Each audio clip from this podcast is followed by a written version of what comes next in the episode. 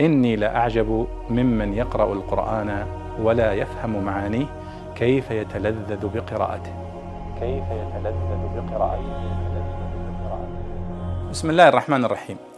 يقول الله سبحانه وتعالى في سورة البقرة ومثل الذين ينفقون أموالهم ابتغاء مرضات الله وتثبيتا من أنفسهم كمثل جنة بربوة أصابها وابل فآتت أكلها ضعفين. فإن لم يصبها وابل فطل.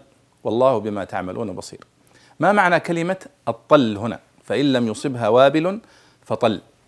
الطل هو الرذاذ الخفيف والمطر الخفيف والوابل هو المطر الغزير الشديد. فالله سبحانه وتعالى يقول هنا أن مثل الذين ينفقون النفقة في سبيل الله معتقدين ومخلصين في نفقتهم مثلهم ضرب لهم مثلا كمثل جنة أي حديقة أو بستان في مكان عالي.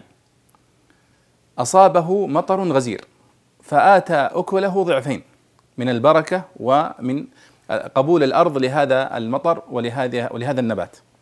فإن لم يصبها وابل أي إن لم يصب هذه الجنة مطر غزير أصابها مطر خفيف فإن لم يصبها وابل فطل.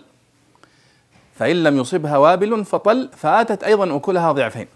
فهي إذن تربة مباركة تؤتي أكلها ضعفين سواء أصابها مطر غزير وابل أو أصابها مطر خفيف وهو الطل.